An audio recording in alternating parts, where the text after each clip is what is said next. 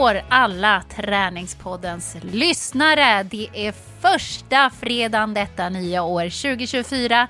Träningspodden är tillbaka. Jag heter Jessica Almenäs, min poddpartner är Lovisa Lofsan Sandström. Och vi kör på som om inget har hänt trots att vi är inne på ett nytt år. Har du haft det bra i helgen Lovisa?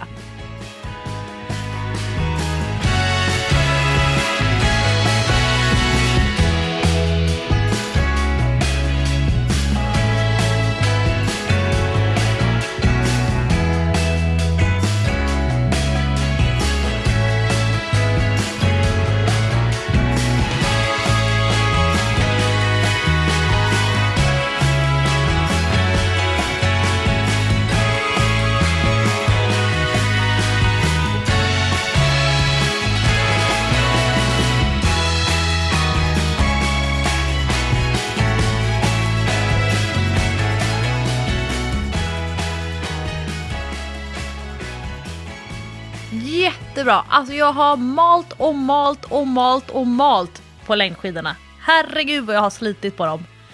Skönt, det är ju det du älskar mest va? Att göra när du är ledig. Lite besatt känner jag mig. Jag får lägga band på mig eh, och dels så här, man blir sliten. Det är så mycket, alltså mycket muskler i kroppen som ska användas. Och sen så är det också så här när typ Hans, min man, säger men Lovisa, måste ni ut och åka en gång till idag? Ni har liksom redan åkt typ två mil. Jag bara, men, men, men, men, men. Så, så tänkte, nej, vi stannar i soffan. Nej, vi har haft fantastiska spår och några dagar då hamnar vi till och med, och jag är lite, egentligen gillar jag inte när folk gör så här för det finns en nackdel och det är att spåren inte hinner frysa på. Men du vet när man kommer ikapp eller blir omåkt av den här spårmaskinen så att man får skejta, åka liksom precis bakom spårmaskinen och att det är helt nygjorda spår. Då känner jag mig som en sån här, att det är som att jag har en egen spårmaskin. Det är jag och fjället. Det är jag och mitt längdspår. Och sen när jag åker tillbaka så här, då ser jag att det är fler stycken som åkt. Då blir jag lite kränkt. Jag känner mig lite så här som att skidspåret har varit otrogen. Men till och med några sådana längdskidpass har vi haft. Men nu är vi hemma igen. Eh, imorgon, alltså igår när det här avsnittet släpps, då ska vi åka på skidläger till Orsa. Och jag planerade den här dagen. Ett, jag skulle jobba massa timmar i gymmet. Jag har en PT online-klient som bor i Göteborg som kommer till Stockholm några gånger per år och kör flera PT-timmar under en och samma dag med mig. Så hon Oj. och jag har kört. Ja, vi körde först två timmar på förmiddagen. Sen skulle hon äta lunch och vila och då hade jag en annan PT-klient. Sen körde hon och jag en timme till. Och sen hade jag en annan PT-klient. jag tycker det kan bli lite långt uppehåll för vissa PT-klienter under jullovet. Men så det har jag rivit av idag. Och det som jag inte riktigt hade väl kanske planerat och strukturerat för, det är att jag också nu ska valla fyra par skidor med glidvalla. Jag ska eh, ta upp längdpackningen som hamnade i källaren eh, och packa allt det. Jag ska också åka och spela paddel en timme och klockan är ju nu då 24. Så jag Oj. vet inte riktigt hur jag ska hinna allting, men det var ändå roligt att få den här dagen och jobba och sen tror jag att det kanske blir en ganska sen kväll. Jessica, hur har ditt jullov varit?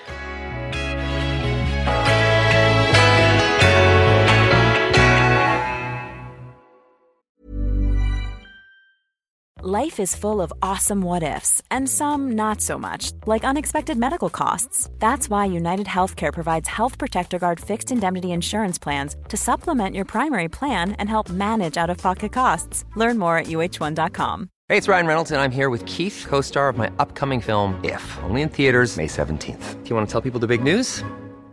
All right, I'll do it. Sign up now and you'll get unlimited for $15 a month in six months of Paramount Plus Essential Plan on us. Mintmobile.com slash switch. Upfront payment of $45 equivalent to $15 per month. Unlimited over 40 gigabytes per month. Face lower speeds. Videos at 480p. Active Mint customers by 531.24 get six months of Paramount Plus Essential Plan. Auto renews after six months. Offer ends May 31st, 2024. Separate Paramount Plus registration required. Terms and conditions apply if rated PG.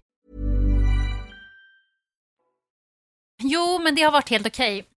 Vi var ju lite sjuka, hade corona här hemma. Och sen eh, har Sam blivit sjuk i något annat nu. Så att nu kommer det väl en andra vända. Jag väntar bara på att jag ska få de här basiluskerna också.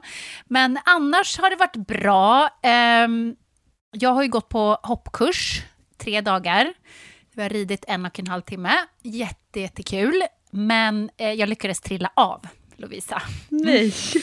Ja, och du Man vet, ska jag, ju skippa sista åket Jessica. Ja, jag vet. Och vet, det sjuka är att det var på det näst sista hindret. Efter tre dagar, och vi har hoppat så mycket, på det näst sista hindret som jag skulle hoppa 2023 så åker jag i backen. Och det sjuka är att jag har inte trillat av sen, sen jag gjorde illa axeln och det är ju över ett år sedan. Eh, och jag har ju varit lite rädd för det, men jag har känt ändå så här de senaste månaderna att det där, den där rädslan har släppt lite. Så att jag rider liksom lite mer framåt, inte så mycket bakåt. Jag tror jag har sagt det i träningspodden innan. Eh, och det känns som att jag vågar liksom lite mer i hoppningen och, och så. Jag, jag tror inte hela tiden att hästen ska stanna, som jag trodde innan. Eh, Så därför var jag absolut inte beredd när den här hästen som jag har ridit ganska mycket på slutet plötsligt eh, stannar. Hon har aldrig stannat när jag har ridit henne. Så att jag, du vet, jag fattar inte vad som hände, så jag bara, eh, what the fuck händer nu liksom? Ja, så flög jag av, slog i benet i eh, bommen. Jag trillade liksom in i hindret igen, för hon vek åt sidan. Typ. Eller hon stannade och så svängde hon upp sig med, med rumpan liksom åt sidan. Så att jag flög över, slog i benet, trillade ner i backen, slog huvudet i hinderstödet så att det bara klångade till. Och så låg jag kvar där ganska länge och bara så här lyfte på benen lite grann, kände lite på axlarna, kände lite på ryggen, kände lite på huvudet och så bara, nej, jag har egentligen inte ont någonstans. Jag var helt säker på att jag skulle ha brutit något. Ja, det var verkligen scanning. Så här. Det är bäst jag ligger här en stund, för det kan vara så att något har gått sönder nu. Du vet, jag är van vid att så fort jag, någonting händer mig, att jag ramlar eller du vet, då går någonting sönder. Nej, inget trasigt. Så jag bara, ah, jag kanske är lite yr sådär, men jag hoppar upp igen. Och det var bra att jag gjorde. Så att jag hoppar upp igen på hästen, hoppade de där två sista hindren och så fick jag avsluta 2023 med det. Och det kändes bra, för hade jag inte gjort det så tror jag att det kanske igen hade satt sig lite grann i kroppen. Men eh, på ett sätt var det bra, för att nu har jag ju ramlat av igen och det gick bra. Det var inte så farligt. Eh, och det, det tror jag kanske ta bort lite ur den här, eh, från den här känslan som jag har haft i kroppen att om jag ramlar av så kommer någonting att gå sönder. Det behöver liksom inte göra det. Man kan, ibland blir man bara lite mörbultad, så får man borsta av sig och så hoppar man upp igen och så är det bra med det. Men är det så bland er som håller på med hästhoppning eh, och då, då, eller alltså som håller på med hästar, samma sak som jag hör mig själv säga väldigt ofta till, eh, till barn som ska lära sig åka skridskor, eh, slalom, längdskidor, där man, att man måste typ ramla hundra gånger innan man kan. Alltså att, att, att ramla är en del av att lära sig. Är ni, eller är det så att nej, men man ska vara på ryggen? Nej men gud, alltså jag tror alla som rider har ramlat av typ hundra gånger. Alltså man ramlar av jättemånga gånger, oftast när man är liten, för man rider på någon busig ponny eh, och man har inte så bra balans. Men när man är liten så är ju grejen att man slår sig ju inte, för att man är så mjuk och man ramlar så mjukt och kroppen är så pass tålig så att det går ju nästan alltid bra när man trillar av när man är barn. Men det jobbiga med att trilla av när man är vuxen är ju att det är väldigt lätt att saker går sönder. Och det eh, läker ju mycket långsammare, så att det tar ju lång tid om man har trillat av och slagit sig ordentligt eller brutit något, eller som jag drog av de här senorna och sådär. Det tar lång tid att komma tillbaka, så att man vill helst inte trilla av eh, som, som vuxen ryttare. Men man gör ju det ibland, för att det är ju djur. Så att under den här kursen, det var ju en fyra, fem stycken avramlingar. Eh, och det blir så, helt enkelt. Speciellt när man hoppar, för det kan ju hända grejer. och eh, alltså den klassiska grejen som man gör, det är ju om hästen stannar och man själv redan har börjat hoppa. så så det, det, det, är så, det, det är verkligen basic. Hoppa inte före hästen. Tro inte att hästen ska hoppa samtidigt som du hoppar, utan vänta tills hästen hoppar. Det är som när man går in i en löneförhandling och man har redan bestämt vad man ska eh, göra av sin nya lön, alltså löneökningen. Och så Ja. går man in i löneförhandlingen och så har man tagit för givet och sen så kommer arbetsgivaren och bara nej, nej, nej, nej, nej, nej, nej, vi ska inte över det där hoppet. Nej, exakt. Så att om du hör någon gång när du ser någon eh, rida och hoppa framför allt, om du hör att ridläraren då skriker så här vänta, vänta, vänta, då betyder det att hoppa inte före hästen, utan sitt i lugn och ro och följ med hästen när den bestämmer sig för att hoppa. För att man kommer inte alltid rätt på hindren, men ibland kan man själv tycka så här, men det här tycker jag ändå är rätt. Hästen håller inte med. Den kanske vill lägga in ett litet steg till. Eller så tycker den att nej, det här blir lite för stort för mig att hoppa, det har jag ingen lust med.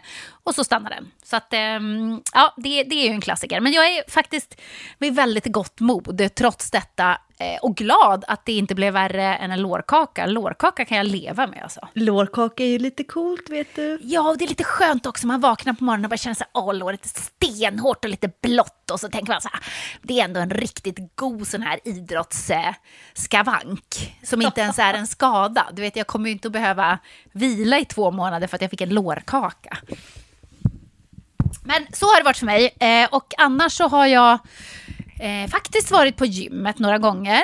Och det har varit eh, jätteskönt. Första gången jag var på gymmet det var på juldagen.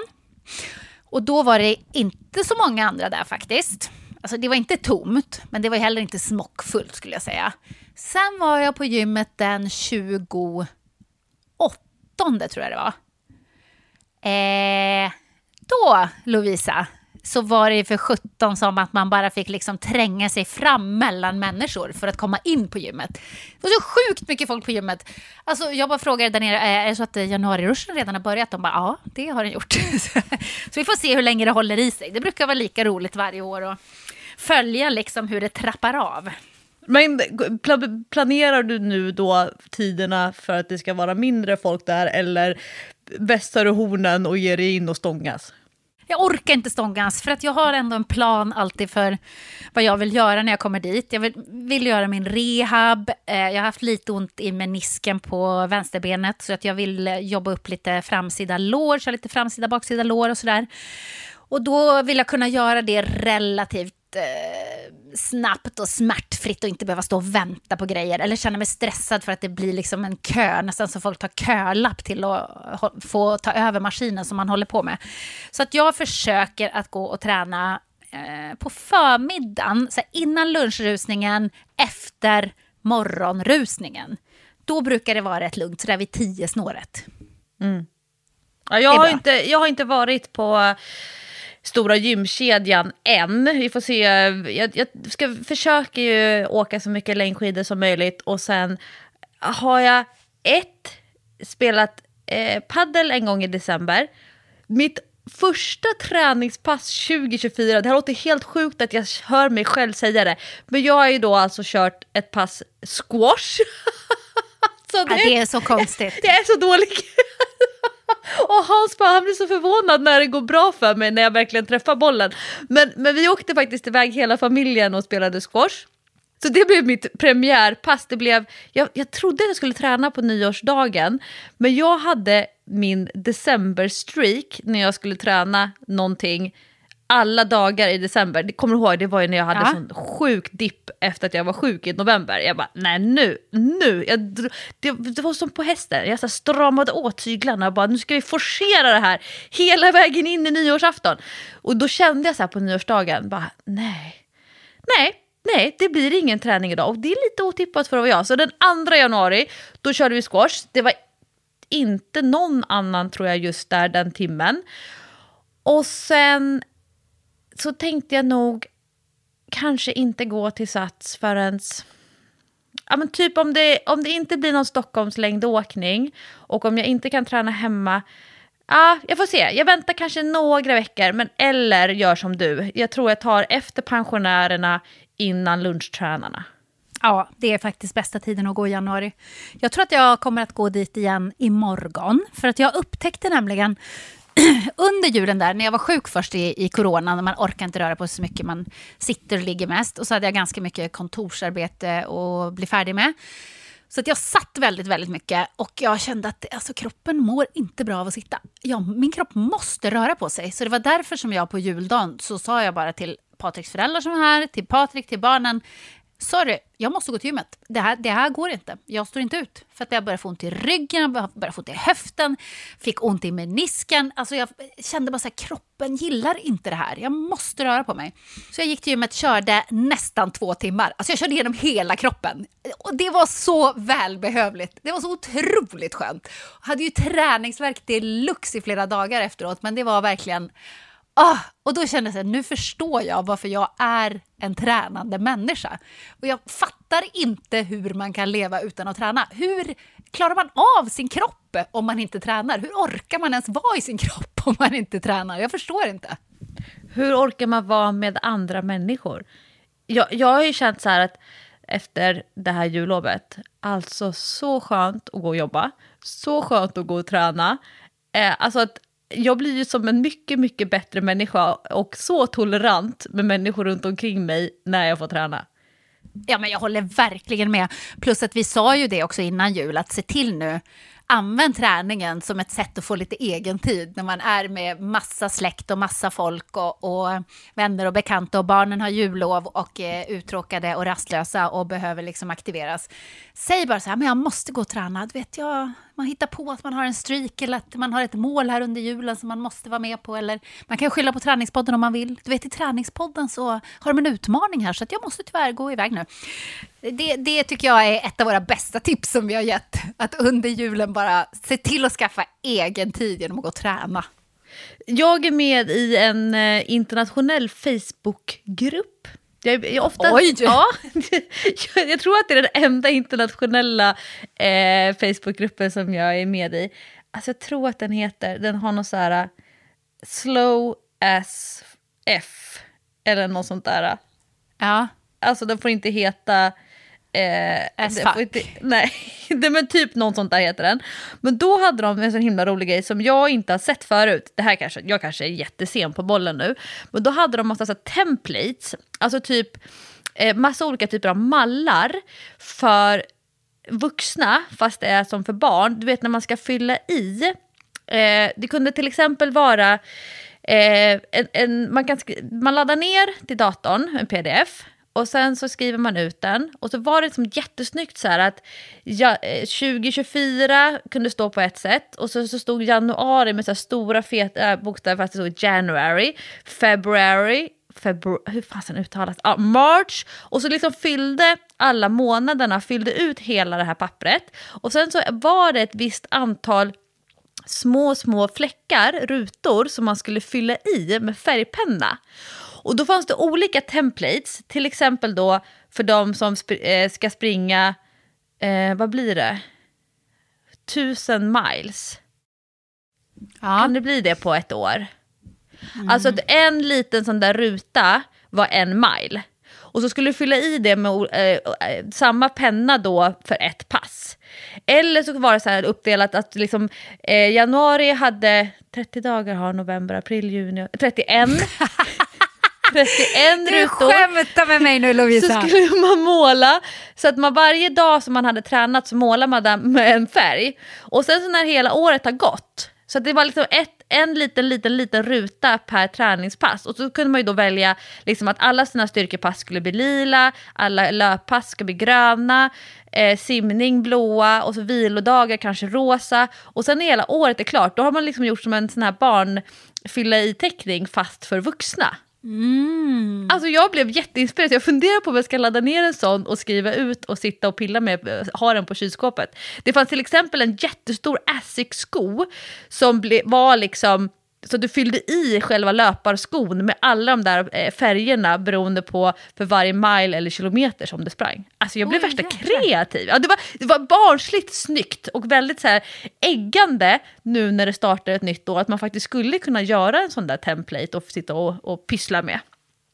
Ja, alltså jag gillar alltid idén om sånt där och jag brukar hålla i det i ungefär en vecka och sen inte mer. Så att jag, jag är så glad alltid när jag öppnar en ny kalender, min papperskalender, då, och tänker så åh den här ska bli så fin i år. Jag ska skriva snyggt i den och jag ska ha olika färger och jag ska skriva upp all min träning och bla bla bla. Ja, det händer ju inte. Sen när man bläddrar tillbaka i kalendern när året är slut så ser det ju ut som fan. Alltså jag kan ju knappt ens själv läsa vad som står där. Det går så fort. Och det är så slarvigt och det är överstruket och det är pilar och det är, ja, det är inte klokt. Men, eh, men jag förstår ändå vad det är som lockar dig med det på något sätt. Det, det kan jag ändå köpa. Men, eh, stopp, vi måste bara... Måste du köra barnramsan för att veta hur många dagar det är i en månad? Skämtar du med mig eller måste du göra det? Eh, ja, alltså den här med knogarna, den har liksom aldrig riktigt satt sig på mig. Eh, så att ja, jag tror faktiskt att jag måste göra det. Men sen är det ju också skottår i år. Snart, snart 40 år har du levt i januari. Snart 40 gånger har du levt i januari. Men du kommer inte ihåg att det är 31 dagar. Alltså jag dör. Men alltså det är inte helt lätt. Det finns liksom ingen logik i det. Nej, men man, man vet ju bara det. Precis som att du kan alfabetet så vet du bara att Ja. Men det är så... November, eh, no, eh, eh januari har så många dagar, februari har så många dagar för det mesta och så vidare. Vi, eh, när vi satt i bilen på vägen hem från Lofsdalen så hade jag förberett en radiodokumentär på P4 som heter eh, typ älskade julkalendrar eller våra älskade julkalendrar och då är det ett helt avsnitt som bara handlar om Sunes jul. Oj, massa, kul! Ja, massa så anekdoter och behind the scenes eh, prat och så här, hur de castade skådespelarna, alltså jätteintressant. Eh, bland annat att eh, Sören och Anders lucköppning ledde till en diplomatisk kris mellan Sverige och Norge för att de höll på och drev med norrmän. Skitsamma, men då hamnade jag och eh, Sixten i en, eh, en så sentimental eh, fas, period. Eh, för han har skuggtittat på Sunes jul varje dag. Mm, så han har liksom haft, ja, och jag älskar ju Sunes jul, jag älskar ju Sunes sommar. Så att jag förstår vad glad jag blev när, när eh, Älskar du inte blev... Sune i fjällen då? Eh, alltså det, jag är för gammal för dem tror jag. Den är ju jag med i. Nej men just det! Tänkte det måste ju vara din favoritfilm. Nej men då kanske Sune vs Sune, Sune Bestman och Sune Uppdrag Midsommar med tanke på att mitt barn är med där i. Ja, okej okay då. Förstår att du kanske då tar det lite grann före, men annars kan jag rekommendera en titt på den gamla klassikern Sune i fjällen. Ja, okej, okay. det, det ska jag. Det kanske passar bra nu när jag ska till Orsa på längdläger. Men då eh, började vi gå igenom alla julkalendrar eh, bakåt i tiden. Och jag försökte komma på vilka jag mindes från när jag var barn och han satt med Wikipedia under tiden. Och då visade det sig att eh, eh, eh Brasse, Magnus, Magnus, Brasse och Eva. Eva. Mm. Ja, fem myror är fler än fyra elefanter. De har haft en julkalender, det här kom, hade jag ingen koll på. Men då hade de missuppfattat eh, själva storyn, så de har ju då gjort 28 stycken avsnitt eh, som alfabetet. Jaha. Men då kom vi in på, kom, kom Hans på en gammal sketch som han tyckte var jätterolig, där Brasse eh, eh, ska, menar på att ah, han kan inte alla veckodagar, men han kan hälften. Han kan hälften av veckodagarna. Ja, Och då undrar Magnus, ja, men är det den första halvan eller den andra halvan av veckodagarna som du kan? Nej, nej, nej, nej. Det är andra halvan av varje veckodag. Mån, dag. Och så säger Magnus, tis, han bara, vänta, vänta, vänta, vänta, jag kan det, jag kan det, dag. Nej, vad roligt. Dag. Ja, eh, det tyckte jag också, jag tyckte det var väldigt kul. Men Nej, så jag kan inte huruvida det är 30 eller 31 dagar flytande, men ramsan sitter väldigt snabbt. Jag behöver aldrig dra hela ramsan. Jag, liksom, jag behöver bara säga de första. Eh, men eh, så var det med det. Däremot Jessica, så mm. har jag eh, två samtalsämnen till veckans avsnitt av Träningspodden. Mm, kul! Du får välja vad du vill börja med. Jag, jag har haft eh, väldigt lite skärmtid på sociala medier det här jullovet. Däremot har ju jag, och det vet ju alla som lyssnar på förra veckans avsnitt av Träningspodden, min besatthet av Sister Wives. Eh, det kommer komma en koppling i det här okay. ämnet. Jag bara, vänta nu, jag förstår inte riktigt här. Men, ja. Det kommer komma en koppling lite senare. Men den eh, lilla skärmtid för sociala medier som jag hade, eh, den ägnade jag åt till en djupdykning i ett Instagraminlägg med följande stories som du la upp, kan det ha varit i mellandagarna? Mm, det var det nog, ja. Mm. På temat viktnedgång. Ja. Och eh, inlägget handlade om en, eller handlar om en kommentar du har fått från en person. jag- eh, Inte en kommentar. nej, Ganska många var det ganska många till och med? Ja, det var ju därför jag vet Hold vad. your horses. Ja, nej men alltså, du förstår Lovisa att jag har fått ganska mycket kommentarer senast, de senaste månaderna skulle jag säga eh, på detta. Och jag har tänkt så här, jag kommer inte att adressera det här för att jag tycker liksom inte att... Eh, jag vet inte, det är ju en känslig grej det här med viktnedgång. Så att jag var så här, men jag skiter i det här så länge det liksom håller sig på den här nivån. Men sen så kunde jag verkligen inte eh, låta bli längre. För att jag fick så många kommentarer om att jag hade anorexia. Det var liksom flera som skrev till mig så här, vet du inte om att jag har anorexia? Sök hjälp är du snäll. Har ingen sagt till dig att du har anorexia?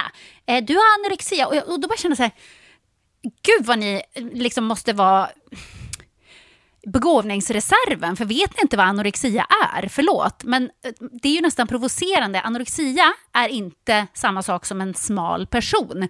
Anorexia är en ätstörning, det är en sjukdom, en hemsk, hemsk sjukdom eh, där man har ett stört ätbeteende och där man har en jätteskev kroppsbild och där man inte kan se i spegeln att man är super supermager utan hela tiden måste kontrollera, kontrollera, kontrollera maten. Minsta lilla gramman går upp, katastrof eh, och sådär. Och jag gick faktiskt in och kollade på en lista vad som var kännetecknen för anorexia och jag kryssar inte i ett enda av dem, förutom att folk har kläckt kommentarer att jag har blivit väldigt smal på sistone. Det var det enda som kryssades i. Alltså snarare så är det ju så att jag kanske för en av punkterna var att man hela tiden tänker på mat, allt kretsar kring mat och hur man ska undvika att äta mat och bla bla bla. Eh, jag tänker ju kanske lite för lite på mat. Det är ju en av anledningarna till att jag har gått ner i vikt. Att jag, eh, speciellt när jag är stressad, inte har tid att tänka på mat och sen plötsligt kan komma på, oh shit, jag har glömt att äta. Aj, aj, aj. Ah, då måste jag fylla på. Eh, och, och, så jag vet inte. Jag bara blev provocerad av att folk ska sitta och sätta någon diagnos på någon över nätet. Det tyckte jag var riktigt fräckt. Men självaste droppen det var när jag fick ett mejl av en person som först kommer med en liten kränklimang, för det är ju alltid så vet du. Man ska skriva något snällt först, för annars kan man inte säga något elakt. Så den här personen skrev till mig, mm, jag tycker du är jättebra och toppen som programledare, bla bla bla. Men eh, du har blivit väldigt smal, det ser inte bra ut. Vad kan du göra för att gå upp i vikt och se lite hälsosammare ut? Och då bara kände jag så här, va? Nej men vänta, är inte jag en vuxen människa som själv får bestämma hur jag vill se ut? Och eh, jag vet inte, ska jag gå upp i vikt för att någon annan tant sitter och tycker att jag eh, borde göra det. Jag, alltså jag, jag fattar inte grejen. Och då fick jag nog. Jag bara så här, nu får jag adressera det här en gång, eftersom folk frågar om Eh, om jag har gått ner i vikt och vad det beror på, om jag är sjuk, om jag mår bra och bla bla bla. Så jag tänkte jag lägger upp de här bilderna där man ser att jag mår faktiskt väldigt, väldigt bra. Jag mår toppen. Jag mår inte dåligt på något sätt. Eh, och så förklarar jag varför jag har eh, gått ner i vikt. För grejen är den att jag har inte gått på någon diet. Jag har inte bantat. Jag har inte försökt gå ner i vikt. Det är lite olika omständigheter som har gjort att jag har gått ner i vikt. Att jag började äta min eh, ADHD-medicin, då tappar man lite grann aptiten. Framför allt tappar man sockersuget för att man har inte samma behov av att få upp dopaminnivåerna. För annars så har man med ADHD ett större sockersug än andra för att man vill hela tiden ha upp dopaminet. Man har låg dopaminnivå. Det, det måste upp, upp, upp. Och så åker den upp lite grann när man tar, äter socker och så rätt ner i botten. Och så måste man fylla på igen. Så att man har liksom ett ständigt sockersug.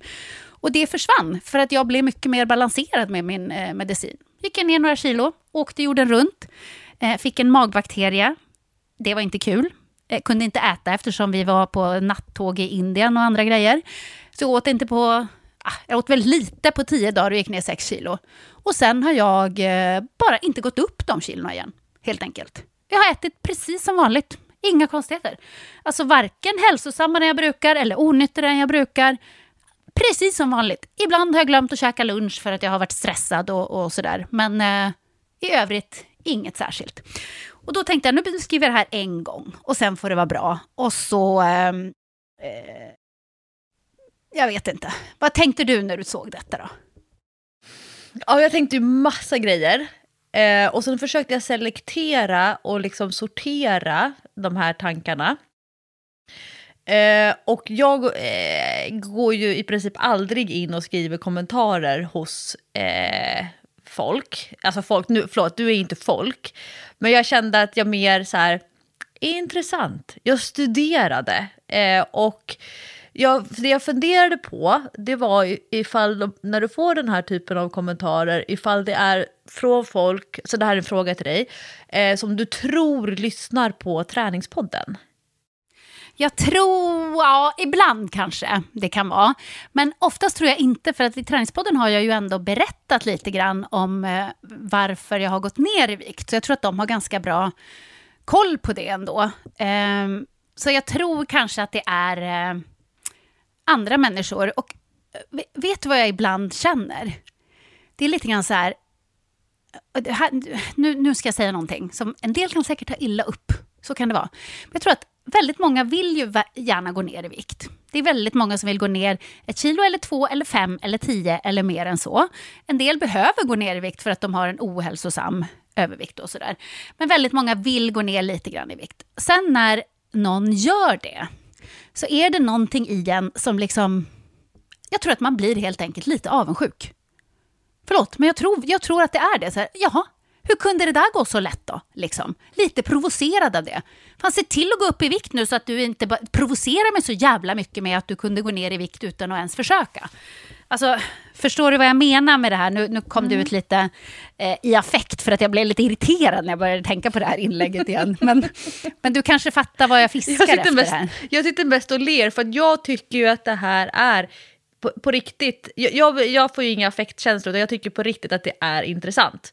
Eh, och jag ser ju massa olika typer av fenomen. Och det är de som jag är ute efter att grotta i. Eh, och, och, just det där med, om vi jämför med för 10-12 år sedan, så är det ju otrendigt nu att prata om vikt. Eh, och jag skulle nog säga att eh, människor som publikt pratar om sin vikt, eh, råd, alltså då, om man tittar på eh, i sociala medier och tidningsartiklar och liknande, så sätter man sig själv i en skottlinje. Eh, Ja, man vågar ju inte säga något om sin vikt. Det är därför jag också tänkt att jag håller tyst om det här nu. För att jag vill inte ens adressera det på något sätt. Liksom. Så här ser jag ut nu och så bara hoppas vi att det eh, försvinner. Eller förstår du? Att mm. in, ingen bryr sig. Är det så, eh, jag har, jag har lite frågor först innan jag kommer med mina resonemang.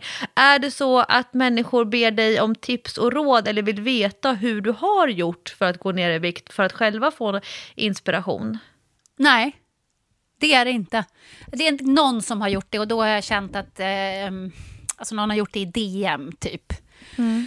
Och då har jag känt, när jag har tittat in på profilen, att eh, där kanske det handlar om lite andra grejer och att den personen kanske inte mår jättebra. Ehm, eh, men oftast så är det ju folk som frågar hur mår du egentligen? Mår du verkligen bra? Och du har blivit så smal. Hur är det med dig? Man blir orolig. Du är alldeles för smal. Det där ser inte bra ut. Det är inte fint när benknotorna sticker ut. Bla, bla, bla. Det är mer så. Det är liksom så här förtäckt eh, omsorg skulle jag säga. Än det är eh, hur gjorde du för att gå ner i vikt? Fattar du?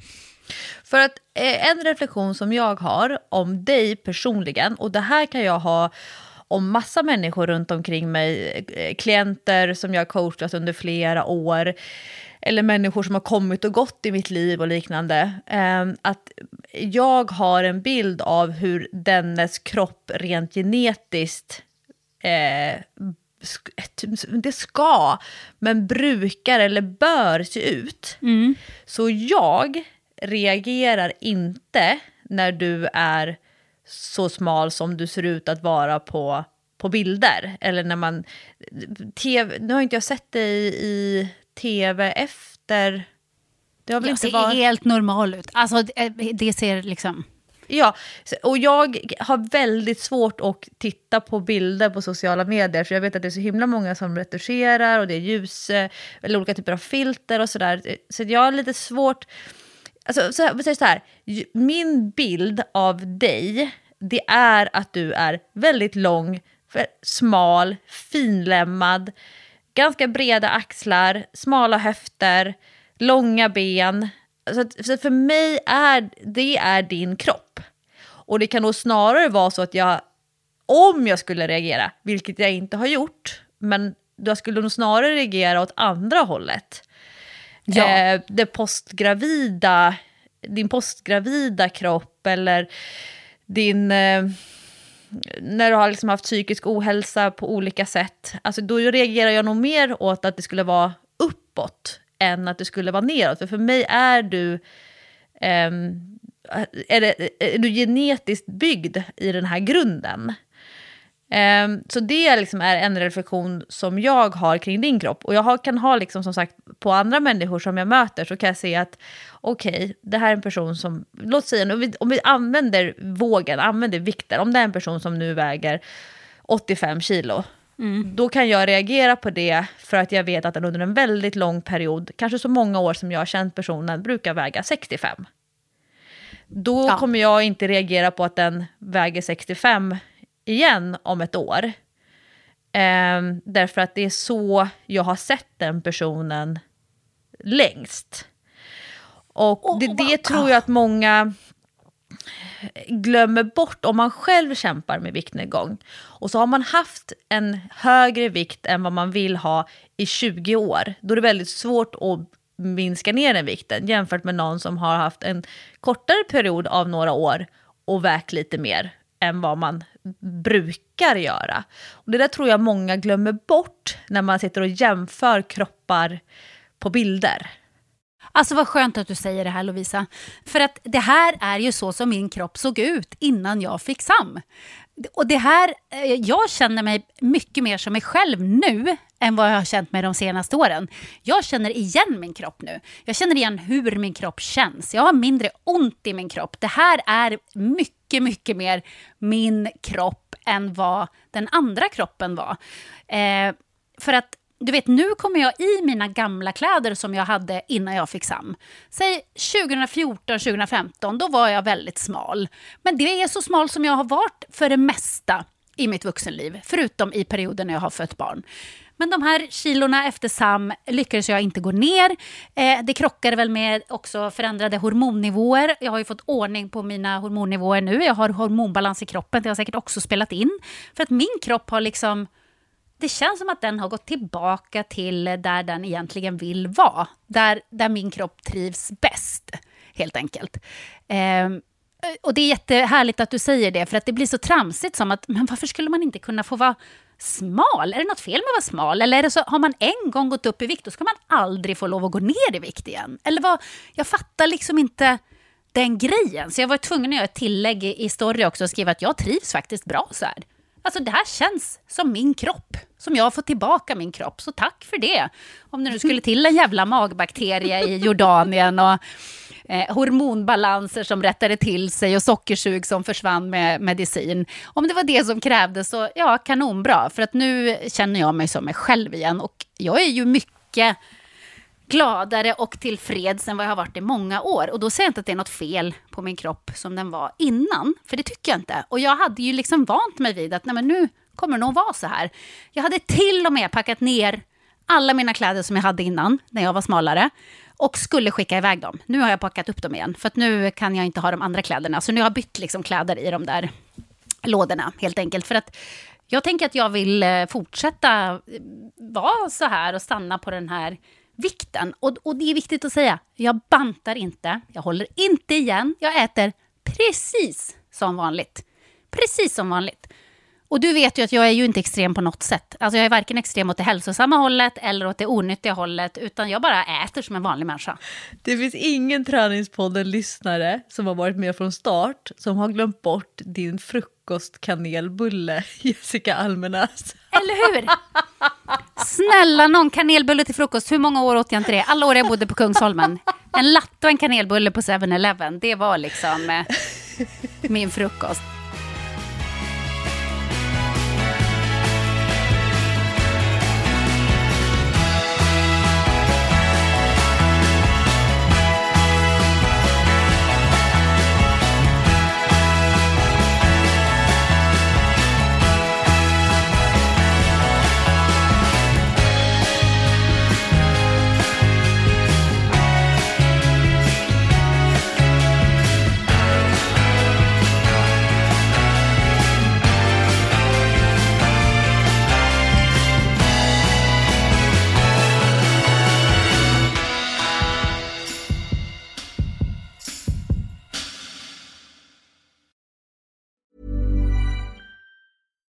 One size fits all seemed like a good idea for clothes Nice dress. Uh, it's a it's a t-shirt. until you tried it on. Same goes for your healthcare. That's why United Healthcare offers a variety of flexible, budget friendly coverage for medical, vision, dental, and more. So, whether you're between jobs, coming off a parent's plan, or even missed open enrollment, you can find the plan that fits you best. Find out more about United Healthcare coverage at uh1.com. That's uh1.com. A lot can happen in three years, like a chatbot may be your new best friend. But what won't change? Needing health insurance. United Healthcare Tri Term Medical Plans, underwritten by Golden Rule Insurance Company, offer flexible, budget friendly coverage that lasts nearly three years in some states. Learn more at uh1.com. Det var mitt ena resonemang. Mitt andra resonemang eh, handlar just om det här med kanske då att, att vara nöjd eller liksom när man kopplar ihop sina, sin känsla av tillfredsställelse med sin kroppsform. Och då tänker jag så här. Eh, vi har pratat tidigare, jag, jag har, nu, nu är jag där igen, där jag har en vän som går igenom en sjukt uppbrytande skilsmässa. Alltså det är ju det är ett jädra trauma. Och är så smal. Alltså hon, hon säger det, att liksom det är bara allting, det är liksom som att livet har försvunnit ur henne. Och hon är jätteolycklig och jättesmal. Och då är det liksom olycklig och smal. Eh, smal för att hon är olycklig. Och jag tänker det med att man kan vara lycklig eller bli lycklig för att man blir smal. Alltså det, det finns ju människor som helt enkelt ökar sin lycka när de blir smalare. Man kan också vara smal och olycklig. Man kan vara olycklig för att man inte är smal.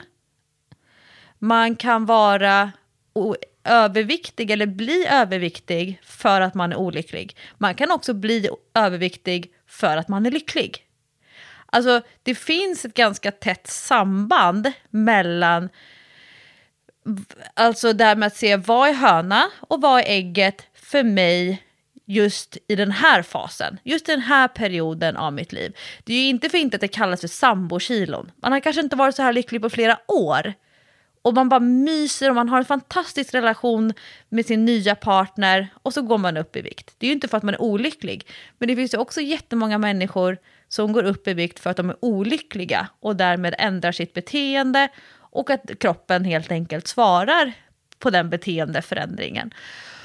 Så jag tycker att man inte ska förringa de, de människorna, inklusive där du då hamnar Jessica, som faktiskt blir lite lyckligare för att man blir smalare och därmed tycker att men det här är ju jag. Gud vad skönt att jag äntligen får vara jag igen. Um, Ja, exakt. Och då ska inte jag uh, behöva skämmas för det. För lite är det som att nu får du be om ursäkt för att du har blivit smal. För så där smal var du faktiskt inte förut. Så nu får du faktiskt be om ursäkt. Och se till att lägga på dig. Så, eh, som hon som skrev mejlet till mig bara, vad kan du göra för att gå upp i vikt? Men grädde. vad är det som säger dig att jag vill gå upp i vikt? Alltså Det- varför skulle jag vilja det? Ja, men det jag kan bli beklämd över det är min frågeställning, och det här vet jag ju inte om det förekommer, men det är ju åt andra hållet. Där människor helt enkelt hör av sig till folk som går upp i vikt. Är man så inne på andra människors kroppar att man hör av sig och säger oj oj oj, nu har du nog gått upp lite för mycket i vikt, vad kan du göra för att eh, se lite mer hälsosammare ut igen? Och, och jag vet inte om det förekommer. Ehm, och jag hoppas att det inte gör det. Jag, Jo, jag- men alltså det gör det, fast på ett annat sätt, tror jag. Jag tror inte att folk kör det där pekfingret så här, nu kanske du ska börja tänka på att motionera eller kanske tänka på vad du stoppar i dig. Det tror jag inte att man gör öppet på samma sätt som man tycker att man kan göra det till någon som har gått ner i vikt.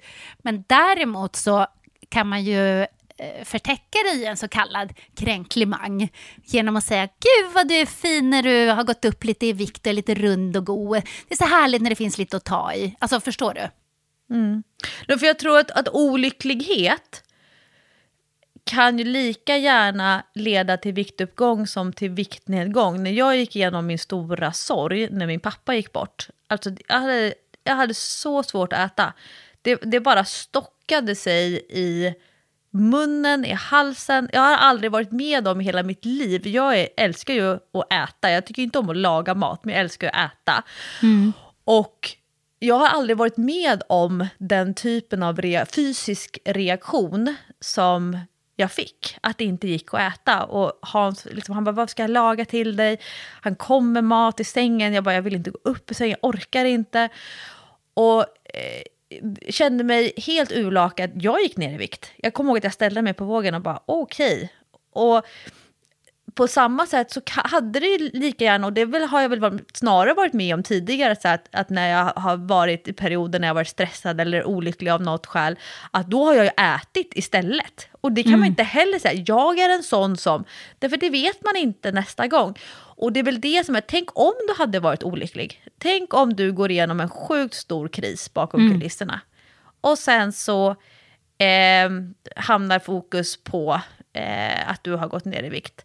Men det, det är kanske bara ett sociala medier-fenomen, I don't know. Men det jag tänkt på, och det här kommer då mitt tredje resonemang. Jag har försökt sortera det här ute i längdskidspåret. eh, mitt tredje resonemang, det handlar om eh, människor i, på gruppnivå. Alltså om man tittar på svenska folkhälsosiffror och faktiskt drar slutsatser eh, i det stora perspektivet, då är det så att om du väger ungefär lika mycket som alla andra runt omkring dig, då väger du antagligen lite för mycket. Nu kan jag säga inte att det här handlar inte om Träningspoddens lyssnare, för att vi vet att ni som lyssnar är inte representativa för Sveriges befolkning. Men om du ungefär väger lika mycket som alla andra, då väger du antagligen lite för mycket. Därför att vi har mer än hälften av Sveriges vuxna befolkning är överviktiga eller har fetma. Om du äter ungefär, du, eller snarare så här, du äter inte sämre än någon annan. Jag äter inte mer än någon annan. Då äter den personen antagligen lite för dåligt. Eller äter lite för mycket. Och det, de slutsatserna kan vi dra på stora gruppnivån. Och nu kommer min koppling till min besatthet Sister Wives. Alla Då är- väntat. Då är det en av de här fruarna, fru nummer två i ordning. Eh, hon väger, då pratar ju de hela tiden om pounds, men jag tror att hon vägde 130 kilo som mest. Hon har varit eh, överviktig i princip sedan hennes första graviditet. Och eh, hon har tagit tag i många saker. Eh, under de, jag har, har nu kommit fem år in i eh, den här realityshowen. Hon har tagit tag i massa saker. Eh, till en början, bara fysisk aktivitet. Bara så här, svettas på gymmet, väger sig, händer ingenting. Eh, men måtten minskar. Hon har tagit tag i olika typer av kostbeteenden, tar hjälp av en näringsfysiolog med massa recept och eh, händer väl kanske lite grann och sen så går det tillbaka. Eh, och sen börjar hon bearbeta olika typer av trauman där hon under en väldigt lång period av sitt liv hela tiden åsidosätter sig själv och sina behov eh, för att hjälpa andra, för att finnas till för andra och för att se till att andra människor har det bra. Och där någonstans börjar hon hitta lösningen till varför hon inte prioriterar sin hälsa, sin fysiska aktivitet, sin möjlighet till återhämtning, till sunda relationer, att inte tumma på sin egen integritet och så vidare. Men det är, hon har en sekvens där hennes tränare vill få henne till att hålla i i 30 dagar för en gångs skull.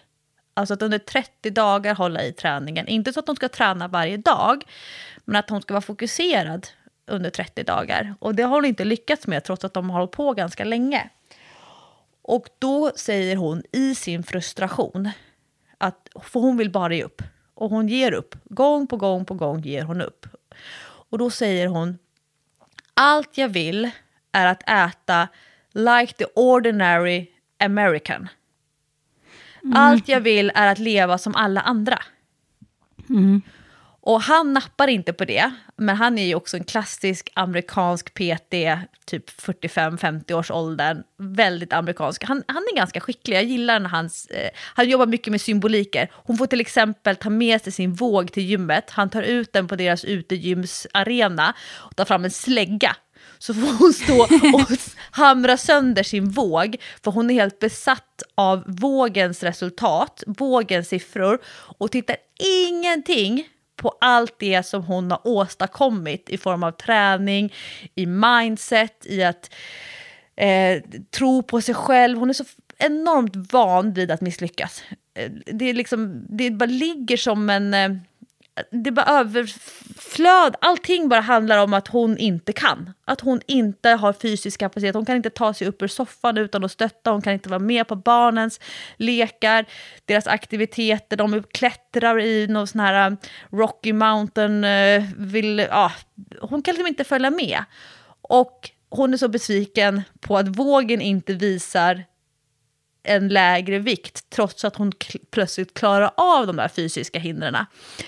Så då får hon mörsa sönder vågen. En annan grej, då handlar det om att hon ska lära sig eh, ta ett steg i taget. Alltså att det här är en never-ending resa. Hon kommer antagligen aldrig kunna ge upp om hon vill ha de resultaten som hon har. Så han tar henne till ett berg och hon får på sig en viktväst som väger de kilorna som hon har gått ner. Vilket inte mm. är så mm. himla många. Men när hon får på sig den där och ska knata upp för det där berget, då, då känner hon, ah, hur fruktansvärt det jobbigt det är att gå med den här västen. Och sen får hon ta av sig västen och lämna den upp, ah, du vet, det får jag rysningar, lämna den uppe på toppen av berget och sen gå ner. Eh, men just det här att hon han nappar inte på att när hon säger att hon vill bara leva som alla andra, hon vill bara kunna äta like the ordinary American.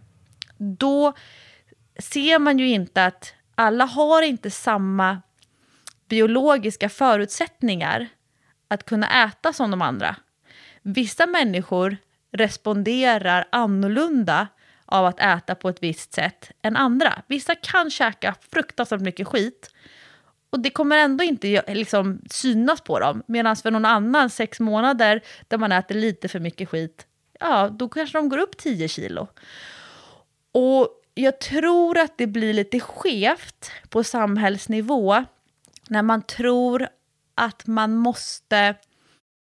Eh, när man tror att det räcker med att göra lite bättre än alla andra. Men alla andra är ganska dåliga. Så du kanske bara gör det som är normalt. Det var mitt långa resonemang som jag också som jag höll på att tragglade med i skidspåret. Ja, eh, också...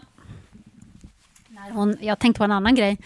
När du berättade det där att äta som the ordinary American så finns det ju inget annat land i världen tror jag som har så mycket övervikt som man faktiskt har i USA. Eh, och det märker ju folk som bara åker dit på semester, att om man äter som the ordinary American, då, eh, då lägger man på sig ganska snabbt. Alltså.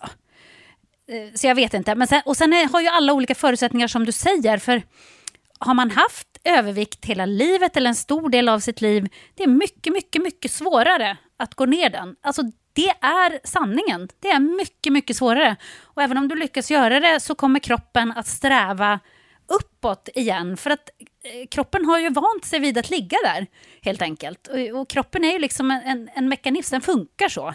Och till exempel för mig själv då personligen så har ju jag eh, större delen av mitt liv varit smalare än vad jag har varit de senaste sex åren sedan Sam föddes. Eller sju då, för jag var gravid också. Och då, när min kropp då är tillbaka där så är det som att eh, jaha, ja just ja.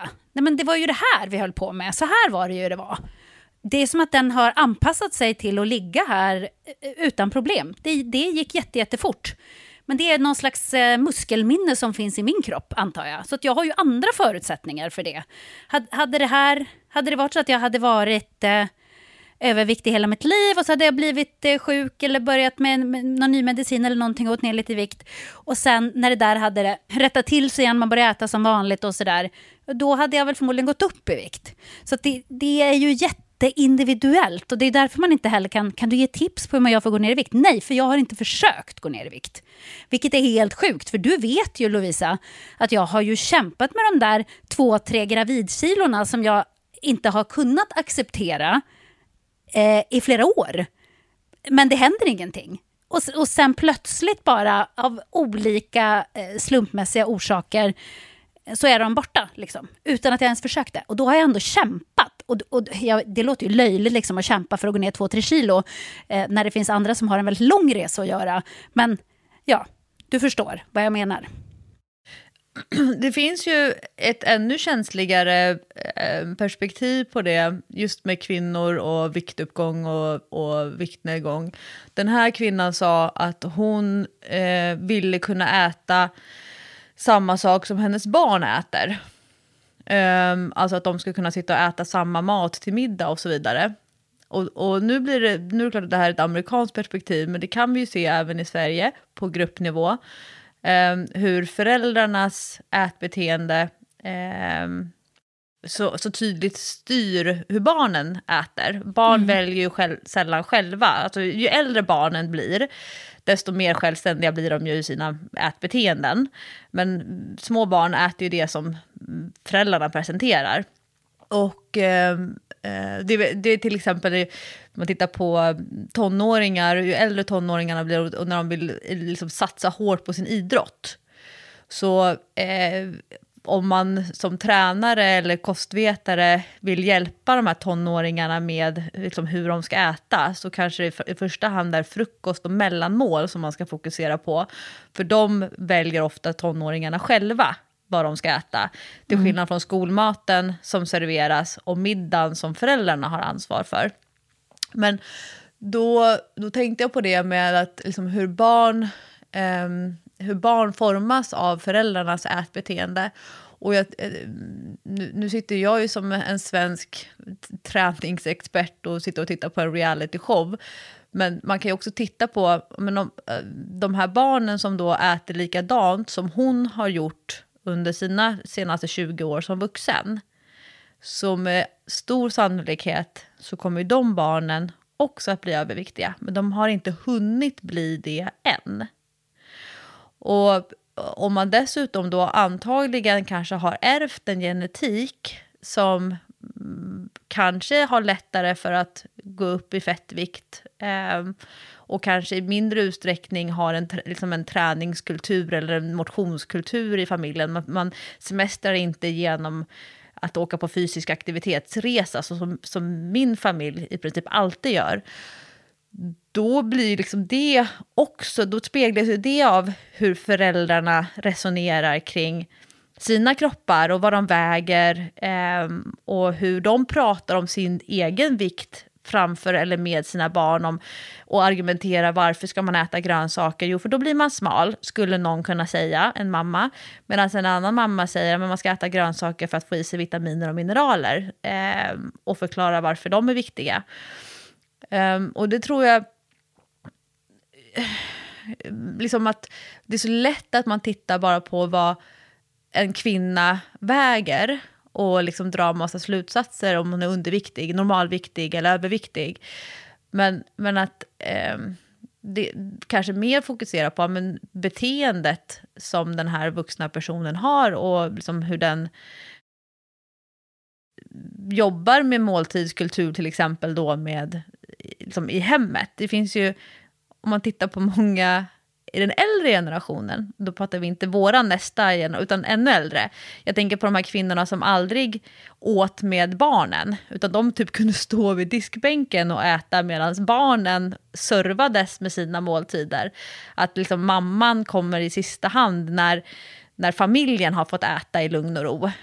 Um, och jämfört med det som vi i många familjer, särskilt på en högre socioekonomisk nivå, där måltidskulturen är nästan helig, att man ska sitta ner med tända ljus och alla ska sitta i lugn och ro. Medan i andra familjer, liksom, ah, herregud, det serveras fyra olika middagar för att alla har olika tider och träningar och sådär. Um, och det speglar ju också liksom både för sin egen kropp och sitt eget ätbeteende, men också för liksom barnen sen som växer upp med en, en mamma som antingen har nojat jättemycket åt ena hållet eller nojat jättemycket åt andra hållet eller bara liksom är ganska neutral och obrydd. Och där kanske jag då placerar dig, men det är för att jag vet att du inte nojar så mycket med mat hemma när det är måltider med familjen. Men det här, det här blir ett väldigt stort sidospår, men bara ur ett så stort eh, folkhälsoperspektiv. Ja, men eh, en annan grej tycker jag är varför känner så många ett sånt behov eh, av att eh, bry sig så mycket om andras kroppar? Alltså, och tala om för folk, du borde se ut så här, du borde väga det här, du borde gå upp, du borde gå ner. Eh, varför, varför bryr man sig inte bara om sig själv istället? Alltså jag kan inte förstå hur man kan ha så mycket tid i sitt liv, att man har tid att engagera sig i någon annans kropp, vad den ska äta, hur den ska träna. Alltså det känns som att, är det här det som jag jobbar med med min ADHD när jag ska göra min ekonomi, prokrastinerar, är det det som ni själva gör då eller? Ni skiter liksom i att ta tag i ert eget liv. Ta tag i ditt eget liv. Du kanske behöver börja träna. Du kanske måste lägga om din kost. Du kanske inte mår bra. Du kanske sover dåligt. Men du kanske också har hormonobalans. Ja, men ta tag i det då. Lägg, lägg er inte i hur andra ser ut eller vad andra gör. Eller, för det är också så här, och det tror jag faktiskt är den äldre generationen som tror, för du vet de var med från början när det bara fanns Facebook och på Facebook la man ut precis allting. Man la ut på Facebook när man vattnade blommorna, man la ut på Facebook om katten släppte hår, man la ut på Facebook om man skottade snö på tomten, man la ut på Facebook om man var glad, om man var ledsen, om man eh, var sur eller eh, var arg på sin granne eller du vet, allt la man ut på Facebook. Jag tror att de lever kvar i det här att sociala medier är någon slags, här är hela den här personens liv. Jag vet allt allt om den här personen. Det är det som jag också försöker säga, så här, vet ni vad, ni vet ingenting om mig. Det ni ser av mig på sociala medier, det är inte, det är inte ens 10 procent. Förstår du? Det är inte ens 10 av mitt liv, hur jag lever, vem jag är. Det är precis den lilla, lilla skärvan av mitt liv som jag väljer att visa er. Eh, och det där är liksom någonting som folk kanske skulle fundera över. Eh, för jag tycker generellt att det, det blir bara så konstigt. Det är så verklighetsfrånvänt att tro att, att man kan ha massa åsikter om en människa som man inte vet någonting om.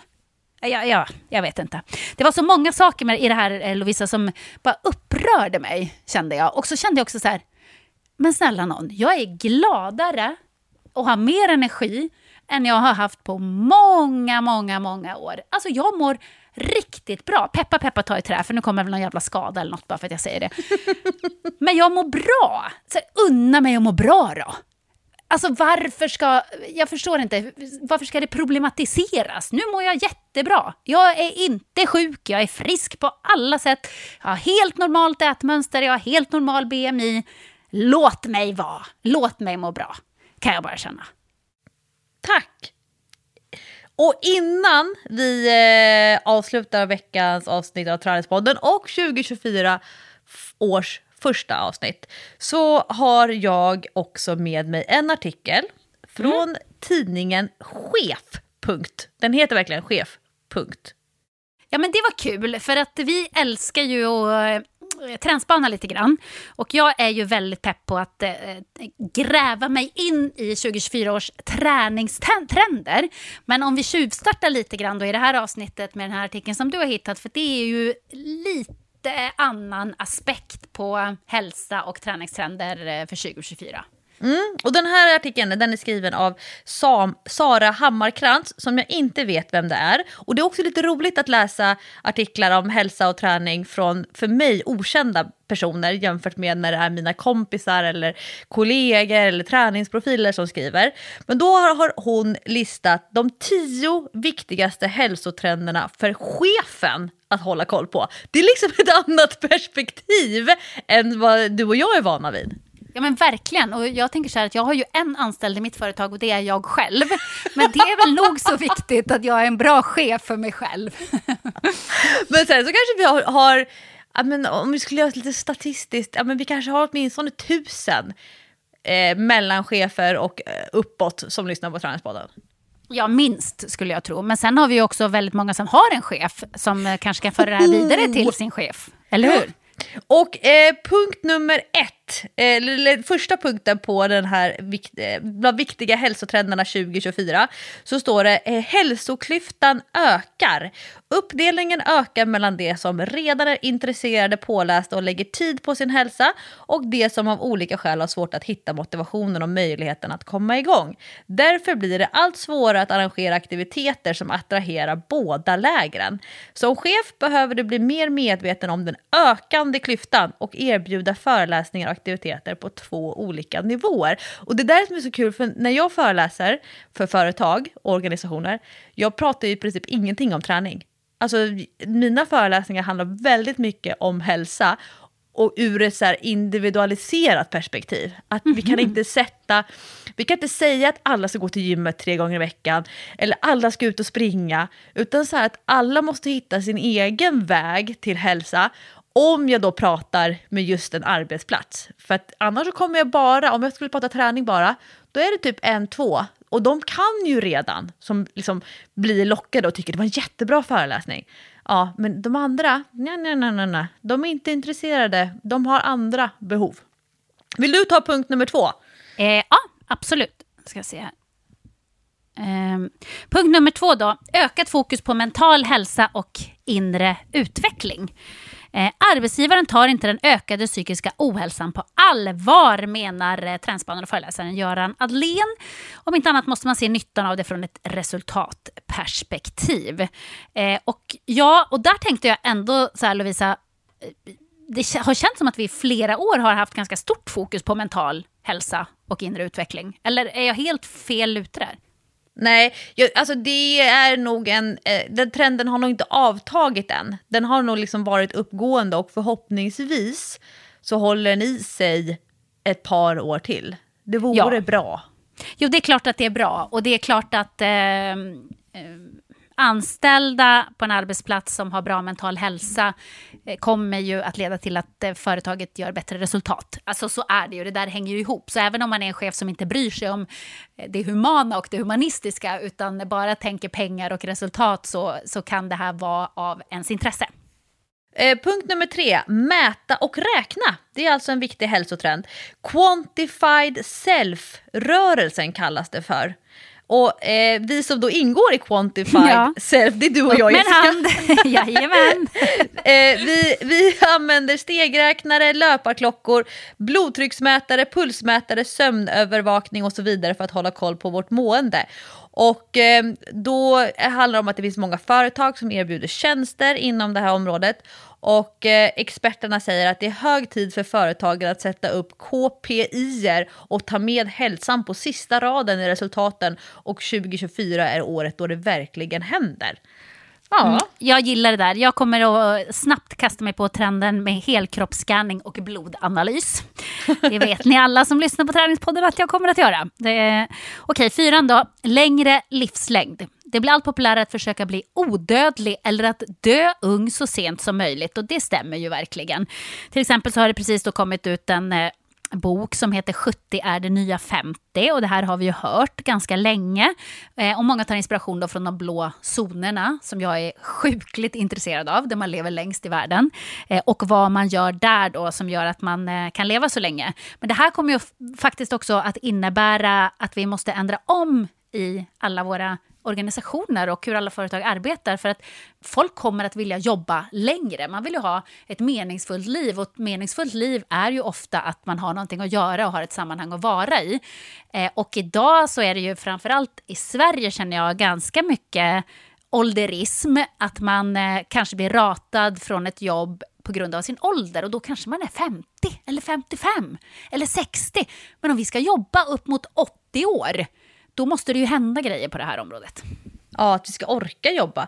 Punkt nummer fem, ökat friskvårdsbidrag. Och man skulle ju kunna tro att eh, med en lågkonjunktur så ser man inte några neddragningar bland eh, friskvårdsbidraget. Det är tvärtom. Eh, och då säger Eva Sköldebrand som är Corporate Health Manager på Söderberg Partners som bland annat eh, vi jobbar med, eh, med våra träningsappar. För det är väldigt populärt att använda friskvårdsbidrag för PT online, för träningsappar, mm. för de som kanske har lite billigare gymkort och sen har de pengar kvar. Eller som inte har behov av gymkort, men de vill ju ändå ha träningscoachningen. Men då säger de att eh, flera av kunderna på Söderberg Partners, och det tror jag, jag vet inte exakt vilka, men det är olika typer av friskvårds portaler som man då arbetsgivaren har avtal med. Och då har eh, flera företag eh, höjt från 1500 kronor till 3000 och de som redan låg på 3000 har höjt till 5000. Eh, och att eh, företagen förlitar sig på att det ger utväxling och tycker att de har tagit sin del av arbetsgivaransvaret. Men eh, de säger också att, att bara jobba med friskvårdsbidrag är inte en bra lösning för att få medarbetarna att orka mer, utan snarare att det handlar mycket om återhämtning under arbetsdagen. Då kommer den där powernappen in, Jessica, som vi pratade om för några veckor sedan. Ja, men också jag har många kompisar som jobbar på företag där man har organiserad lunchträning till exempel för sina anställda. Att man kan gå iväg på lunchen och träna och sen också äta sin lunch. Eh, och att de tycker att det är en bra investering i eh, de anställdas hälsa. Eller bara titta på, eh, nu bor ju vi i ett väldigt privilegierat område ska jag säga i Bromma, men Ålstenskolan som Sam går på här, eh, de jobbar ju väldigt mycket med så här, rörelsepauser, börja dagen med rörelse. Så att du vet, Sam kommer hem och lär mig olika yogapositioner. Och jag bara, men var har du lärt dig det här? I skolan. Vi gör det här varje morgon. Så de gör liksom olika yogapositioner som de har döpt till gull, massa gulliga djur. Ja, det här är hunden och det här är tuppen och den gör man för att och du vet, de står på ett ben och eh, drar upp en fot och, och sträcker upp armarna och står i, i en nedåtgående hund och allt sådär. Och det känner jag bara så här, det där är ju framtiden. Så där kommer ju om tio år alla arbetsplatser att vara, är min känsla, och alla skolor. För att då eh, vi vet ju redan att det här är bra och att det ger bättre resultat både i skolan och på arbetet. Men sen från att veta till att verkligen göra, det är ju ett steg som tar tid, det går inte på en sekund. Men jag tror att om tio år så ser det ut så i princip på alla arbetsplatser och skolor. Mm. Gud, det, det, hoppas jag, därför att på mina barns skolor då eh, finns det ingenting av sånt i högstadiet. Men på den ena skolan, eh, där får man ha telefonerna på rasterna. Och då går gänget själva iväg och spelar Pokémon. Så de liksom rör sig runt på Södermalm och spelar Pokémon. På den andra skolan, då lämnar man in telefonen på morgonen och så får man den när skoldagen är slut. Men eh, då är det framförallt min son, han tar en lunchpromenad. Han går upp på Skinnarviksberget och tittar på utsikten och sen går han tillbaka till skolan. Men de tar lite mer eget initiativ. Du får gärna köra punkt nummer sex, som jag vette tusan om det du och jag är så himla sugna på just den här hälsotrenden. Eh, nej, kanske inte. Kärlek som managementredskap. Det här tycker jag låter lite fishy, men jag vet inte. Du tillbringar nästan hälften av din vakna tid på jobbet. Då kan du inte vara i en kärlekslös miljö.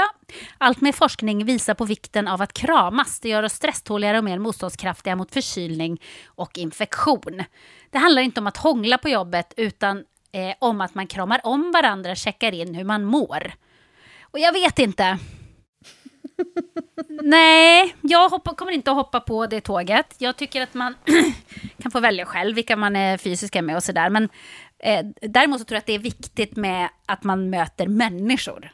Det tror jag. Men att den här liksom- trodde ju vi, vi trodde ju nog att den här fysiska distanseringen under pandemin skulle hålla sig kvar lite längre. Så jag är lite förvånad över den här hälsotrenden. Ja, jag är också förvånad. Jag är inte säker på att det är en hälsotrend. För min känsla är att eh, distanseringen har hållit sig kvar lite grann. Du vet att nu så är det helt legitimt att till exempel byta plats på tunnelbanan om någon sitter och hostar. Det kunde man ju nästan inte med att göra förut, för det var ju så himla oartigt. Liksom. Man kändes ju jättedum. Nu är det verkligen inga problem. Eller om man sitter på ett flyg och eh, någon sitter och snörvlar och jag sätter på mig ett munskydd. Alltså helt rimligt. Ingen som ens kollar snett på en när man gör det och tycker att man är en galen hypokondriker. Eh, och, och också det där, jag vet inte. Nej, nej, jag vet inte Lovisa. Kanske är jag lite färgad av att det just nu går eh, covid, influensa och vinterkräksjuka. Då känner jag så här, det minsta jag vill det är att kramas med en massa okända människor. Punkt nummer sju är min eh, stora favorit, såklart. Eh, individuell hälsoträning. Vi blir allt mer medvetna om att one size inte passar alla.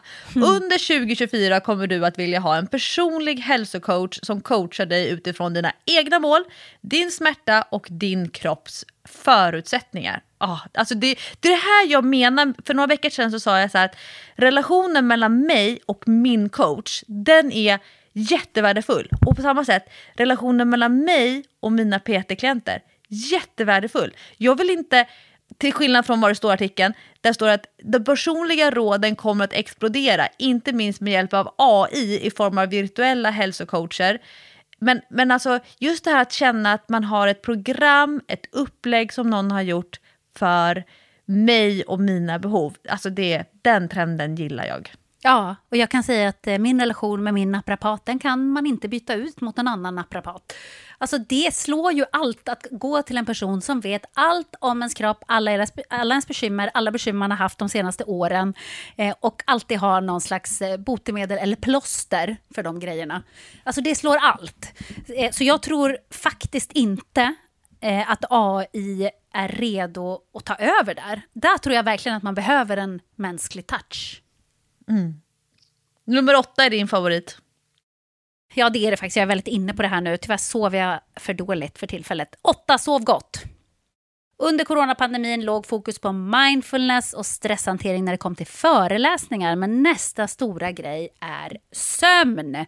För nu pratar vi inte längre bara om hur många timmar man sover utan också sömnkvaliteten. Eh, och ja, det känns som att det är ett stort intresse för just sömn. Jag tycker det där går verkligen lite i cykler. Ibland är det mycket träning, ibland är det mycket fokus på kost. Och, och just nu känns det som att sömn är liksom den trendigaste hälsodelen som man kan hålla på med. Vilket låter så sjukt back to basic. Nummer nio eh, är min eh, favorit. Vikten av dagsljus.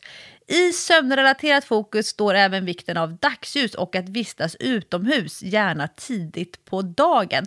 Den amerikanska hjärnforskaren och professorn Andrew Huberman, som har världens största hälsopodd Huberman Lab, har på senaste tiden pratat allt mer om att få dygnsrytmen rätt. Och med viss eftersläpning tros ämnet därför trenda i Sverige under 2024. Och det där vet man, människor som behöver hjälp med att lära sig sova igen man har fått någon typ av sömnstörning. En av de första grejerna som man säger tillsammans med att man ska ha svalt i sitt sovrum, man ska eh, inte ha skärmtid på kvällen, men det är att man ska vistas ute i dagsljus under dagen så att man liksom redan under förmiddagen lägger grunden för nattsömnen. Ja, men det är ju också för att eh, melatoninproduktionen i kroppen ska fungera som den ska. För att melatoninet, det går ju på ljust och mörkt. När det är ljust ute, dagsljus, då ska vi vara vakna. Och när det är mörkt så ska vi sova. Så att på vintern, om man aldrig är ute och inte får något dagsljus eller ser solen, ja men då tror ju kroppen att vi ska sova i princip hela tiden. Så att man går runt och är hela tiden trött, men när det väl är natt då kanske man inte kan sova för man har liksom gått varvet runt. Så det där är viktigare än man tror. Punkt nummer 10, Jessica. Åh, kolla! Här, det här tror jag verkligen kommer att komma stort eh, 2024. Hormonell hälsa. Kvinnors hormonella hälsa har lyfts under 2023. Det är bara en droppe i havet i förhållande till vad som behövs. Det menar Monica Björn som ju är liksom den främste riddaren i ledet skulle jag säga när det gäller just eh, kvinnors hormonella hälsa och eh, hur Eh, kvinnor i, i en senare del av livet eh, mår. Vad vi får för behandling, vad vi får för hjälp, eh, eh, vad vården gör och framförallt vad vården inte gör. För att vården generellt är inte speciellt bra på kvinnors hormonella hälsa. Eh, och det är ju tragiskt. Så jag är väldigt glad för sådana som Monica Björn som är ute och föreläser mycket om detta, pratar mycket om det på stora konton på Instagram, eh, skapar en medvetenhet och inte bara hos kvinnor. Det är det här som är det viktiga. Det är inte bara kvinnor som ska veta om det här, det här måste ju också män veta om. För att om man bara tar arbetsplatsperspektivet så är det klart att du som man på en arbetsplats eller manlig chef påverkas om kvinnornas hormonella hälsa och hormonella balans eh, inte är så bra. Ja, och vi säger tack till tidningen Chef för en, alltså jag tyckte det var en utmärkt hälsotrendspaning 2024. Jag tyckte det var väldigt spännande och jag, jag känner att de var spot on på många grejer. Inte på alla, men så är det ju sällan med en trendspaning. Eh, och jag tänker att eh, nästa vecka så kommer jag spinna vidare på detta med eh, att göra en rejäl nätsökning på träningstrender 2024. För det tycker jag är riktigt spännande. Ja, man, kan, man kan aldrig prova för, för många nya saker. Nej, exakt. Det som jag är mest sugen på att prova nu, förutom kroppsscanning, blodanalys, det är eh, ljusterapi. Ja, Apropå det vi pratade om med dagsljus och sådär. Så det kanske blir min nästa grej ja, och det har jag ju redan spanat ut kommer vara en, eh, en trend. Ja, vad spännande! Stort tack för att ni har lyssnat på 2024 års första avsnitt av Träningspodden. Vi hörs igen nästa vecka. Det gör vi. Puss och kram!